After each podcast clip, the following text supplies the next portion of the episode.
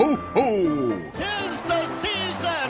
Fa la la la la la la Fontaine! We have fun with Santa, but we should always remember 25th, baby Jesus born. Det er 6. desember, og det betyr at min gode venn og podkastpartner Ulven har bursdag. Så til ære for han så blir dagens tema Montreal.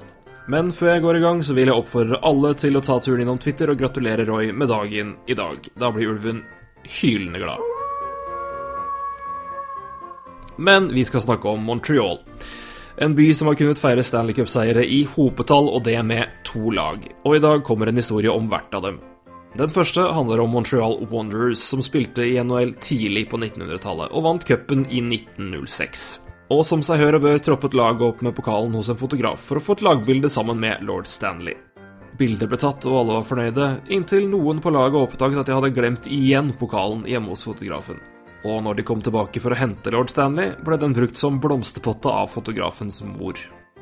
Og 18 år senere ble trofeet gjenglemt igjen, men denne gangen var det spillere på Montreal Canadiens som var de skyldige. Etter de vant cupen i 1924, kjørte flere av spillerne i bil med et trofé for å feire sammen med klubbeier Leo Dan Durand. På veien så punkterte de og måtte ut og lappe hjulet før de kjørte videre, men problemet var bare at de kjørte ifra lord Stanley, som ble stående igjen langs veikanten.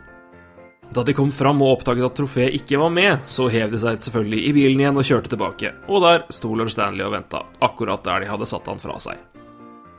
Og med det så sier jeg gratulerer med dagen til Roy, og på gjenhør til dere.